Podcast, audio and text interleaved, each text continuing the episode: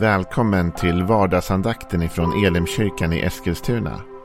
Det här är en podcast som kommer ut måndagar till fredagar. Om du vill veta mer om vilka vi är, vad vi tror på, hur du kan komma i kontakt med oss eller vad vi kan erbjuda dig för någonting så gå in på www.elimkyrkan.com. Du får jättegärna gå in och likea vår Facebook-sida. Det är facebook.com elimeskilstuna. Eller så söker du upp oss på YouTube och då söker du på Elimkyrkan Eskilstuna. Vi vill jättegärna komma i kontakt med dig. Men nu lyssnar vi till dagens andakt. Välkommen till vardagsandakten denna fredag. Vi går mot helg och mot den här arbetsveckans slut för många och eh, lite fredagsmys och vila som vi alla behöver. Nu är det så att du kan ändå haka på i helgen. Det är ingen vardagsandakt som sänds. Men du kan kolla på vår gudstjänst från Elimkyrkan i Eskilstuna. Den streamar vi på både YouTube och på eh, Facebook på söndag klockan 11. Är du i Eskilstuna-trakten, eh, närheten runt omkring så är det ännu roligare om du skulle titta ner och besöka oss på Nygatan i Eskilstuna.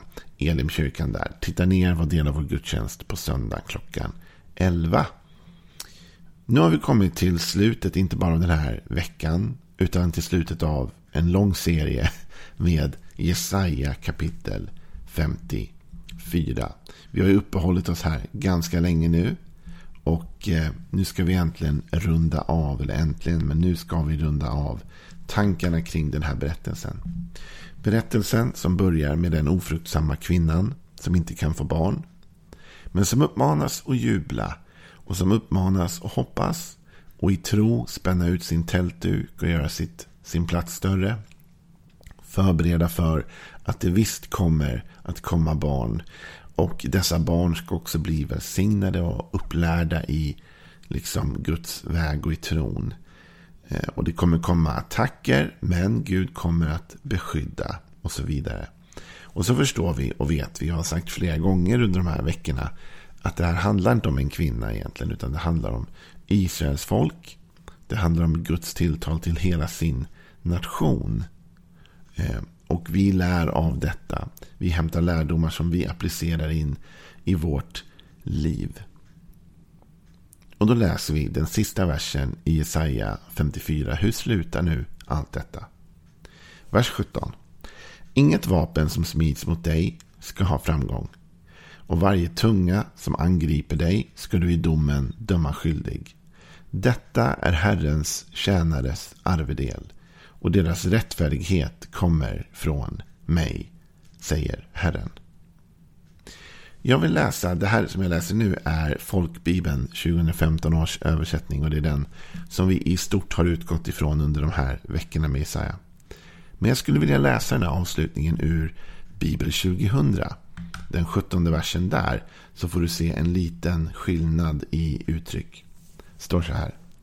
Men inget vapen som smids mot dig ska ha framgång och alla som för talan mot dig ska du få fällda detta är Herrens tjänares lott. Jag ger dem segern, säger Herren. Jag ger dem segern. Så det slutar i seger. Och eh, det där med seger är någonting som jag tycker ändå är en del av det kristna budskapet faktiskt. Det inte, kristna budskapet är fyllt av många olika nivåer och lager. Det är inte svart och vitt, utan det är faktiskt en berättelse som går igenom många som sagt, nivåskillnader. Va? Eh, och det är inte bara seger eller förlust. Eh, och det är inte seger utan någon kamp. Utan tvärtom, det är seger genom svårigheter och det är seger genom kamp. Det är att övervinna, alltså att ta sig över någonting. Bibeln börjar ju med berättelsen av en Gud som skapar en perfekt värld. Och så länge så är allting bra, eller hur? So far, so good.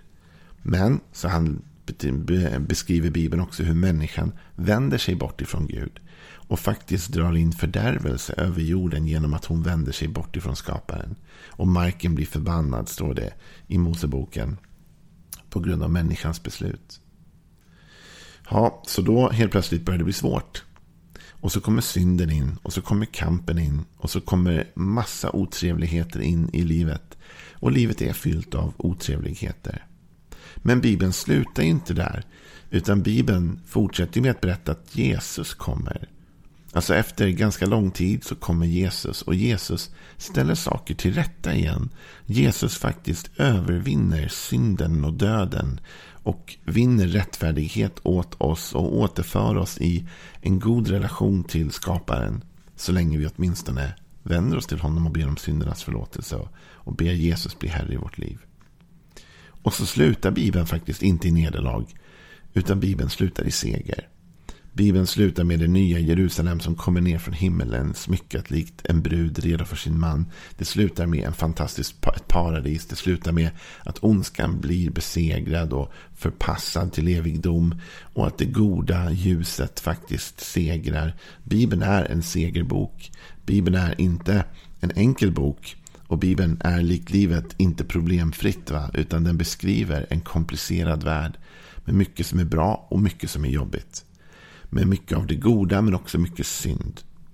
Men Bibeln talar i slutändan ändå om att synden, ondskan, döden, allt detta begränsande, det kommer att till slut vara besegrat fullständigt. Och en ny värld kommer komma där inte detta är en del av.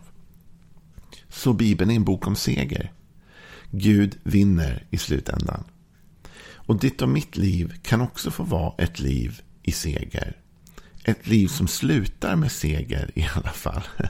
Det behöver inte innebära att livet är lätt hela vägen. Och det behöver inte innebära att livet är perfekt. Det kan vara väldigt, väldigt tufft. Men det kan ändå leda till seger. Jag vet att jag någon gång vid en begravning har talat om att målgången inte alltid är vacker. Du vet, vi tänker oss alltid att, att slutet ska vara vackert. Men slutet är inte alltid vackert. Inte ens när vi segrar är slutet alltid vackert. Har du någon gång kollat på Vasaloppet eller någon av de här tävlingarna och sett när de glider in över mållinjen? Det är inte vackert alltså. De, de ser inte fina ut då. De är helt slut och ja, vi ska inte måla upp bilden men ni vet hur de kan se ut när de går över mållinjen på Vasaloppet. Ofta så faller de direkt efter mållinjen och eh, det är inte alls vackert. Men de vann. De segrade. Och ditt och mitt liv kanske är en kamp till slutklämmen. Det kanske är så att vi faktiskt känner hela vägen att det är tufft. Men att Jesus ändå i slutet för oss till seger. För det blir en seger för den som tror på Jesus. Har Jesus i sitt hjärta så har vi en himmel som väntar, en segrande evighet. Så även om livet här och målgången och mållinjen är tuff så är det faktiskt så att du och jag, vi vandrar mot seger. Det är det som Bibeln ger. Bibeln slutar inte på något annat sätt än i seger. Bibeln slutar inte med nederlag, utan Bibeln slutar med en övervinnande Gud som har besegrat både ondska, död, sjukdom, synd, allt annat elände. En dag, en gång i tiden, är detta besegrat och bortplockat ur vår värld. Och det är Gud som ger oss denna seger.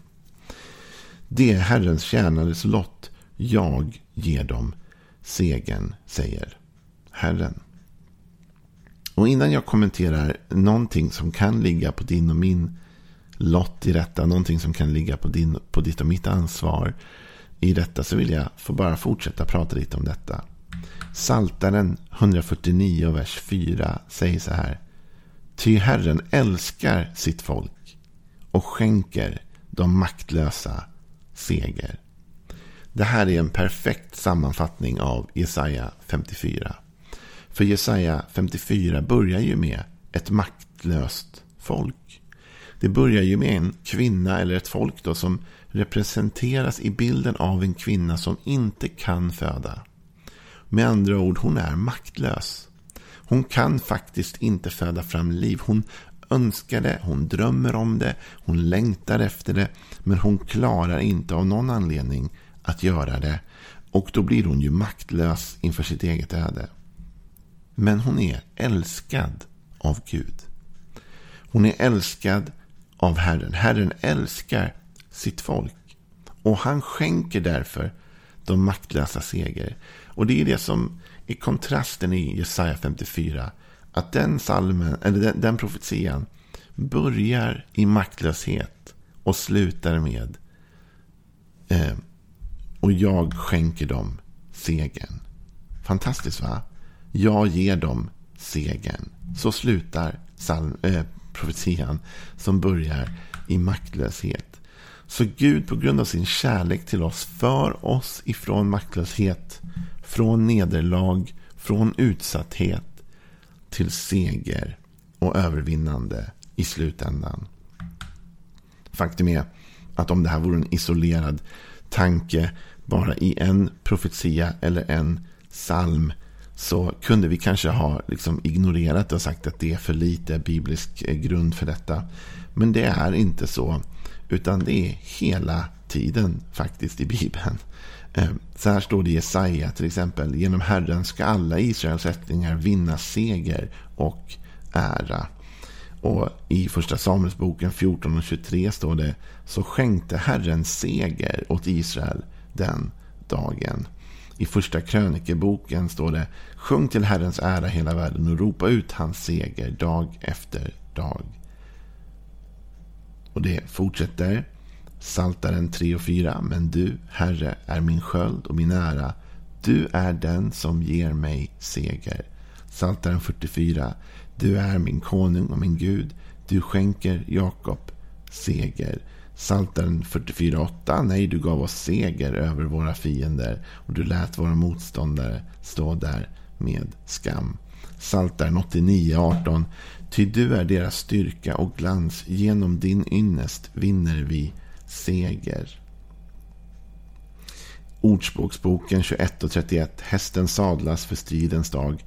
Men Herren är den som ger segern. Femte Mosebok 20 och 4. Ty Herren er Gud går med er och strider för er mot era fiender. Han ska ge er segern. Och jag skulle kunna fortsätta och jag skulle kunna fortsätta för Bibeln är full av denna tanke att Gud ger seger. Det är inte en isolerad tanke. Och den som vill hävda att Gud inte ger seger har ett elände framför sig att bortförklara inte ett, inte två, utan mängdvis med bibelord som talar om just detta. Att Gud ger seger åt sitt folk. Ja, men finns det någonting i detta kan man ju då undra som ändå ligger på din och min lott? Ja, det kan det vara. För det står så här i Jesaja 54 och vers 17. Detta är Herrens tjänares lott. Jag ger dem segern. I folkbibeln stod det detta är Herrens tjänares arvedel. Alltså denna seger är ändå reserverad åt Guds folk. Denna seger är inte en seger åt alla människor överallt i hela världen. Utan denna seger är en seger som Gud ger till sitt folk därför att han älskar sitt folk. Vi läste ju det i en av psalmerna. Herren älskar sitt folk och ger dem maktlösa seger. Så denna seger vi talar om här, som för oss från maktlöshet till övervinnare, det är en seger som faktiskt är reserverad kan man säga åt Guds folk. Åt den som har sagt Gud, du är min Gud. Jag vill tillhöra dig, jag vill att du ska vara min. Jag kommer ihåg för många år sedan att jag satt hemma en gång och bad. Och jag gillar att be ut eh, bibelord. Det tycker jag är en väldigt bra och sund form av bön. Att man ber i enlighet med vad Gud har sagt och i enlighet med de löften vi finner i Bibeln. Och i andra Korinthierbrevet 2 och 14 så finns ett bibelord som då talade till mig och som jag bad. Va? Det står så här.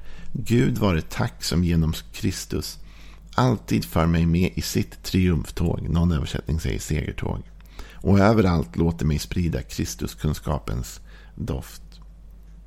En morgon när jag satt och bad detta så bad jag Tack Gud för att du för mig fram i ditt triumftåg eller ditt segertåg.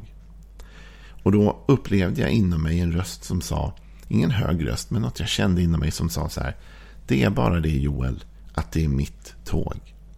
Och det där det var en, en utmanande tanke för mig, men den har verkligen rört vid mig och, och påverkat mig ända sedan dess. Alltså, det är han som för mig med i sitt triumftåg. Det är inte nödvändigtvis mina tankar, mina vägar som segrar. Utan det är Guds tankar. Det är han som segrar och han låter oss följa med. Det är hans segertåg som du och jag får vara en del av. Eh, och det är därför som det här är en seger reserverad åt Guds folk. Det är en seger reserverad åt dem som följer honom och som vill vara hans och som vill tillhöra honom och hans rike.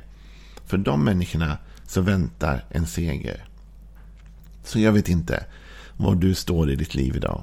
Jag vet inte hur den här morgonen ser ut för dig. Kanske har du en underbar morgon, kanske har du en jättejobbig morgon. Kanske är du i en position av maktlöshet. Kanske känner du att du kan inte påverka det som händer runt omkring dig och du känner dig hjälplös. Fastän du egentligen kanske brukar vara en stark människa som klarar att ta sig an de flesta utmaningar så finner du dig nu i en position där du känner dig låst och bunden och maktlös. Till dig vill jag säga, Herren älskar sitt folk och han skänker de maktlösa seger.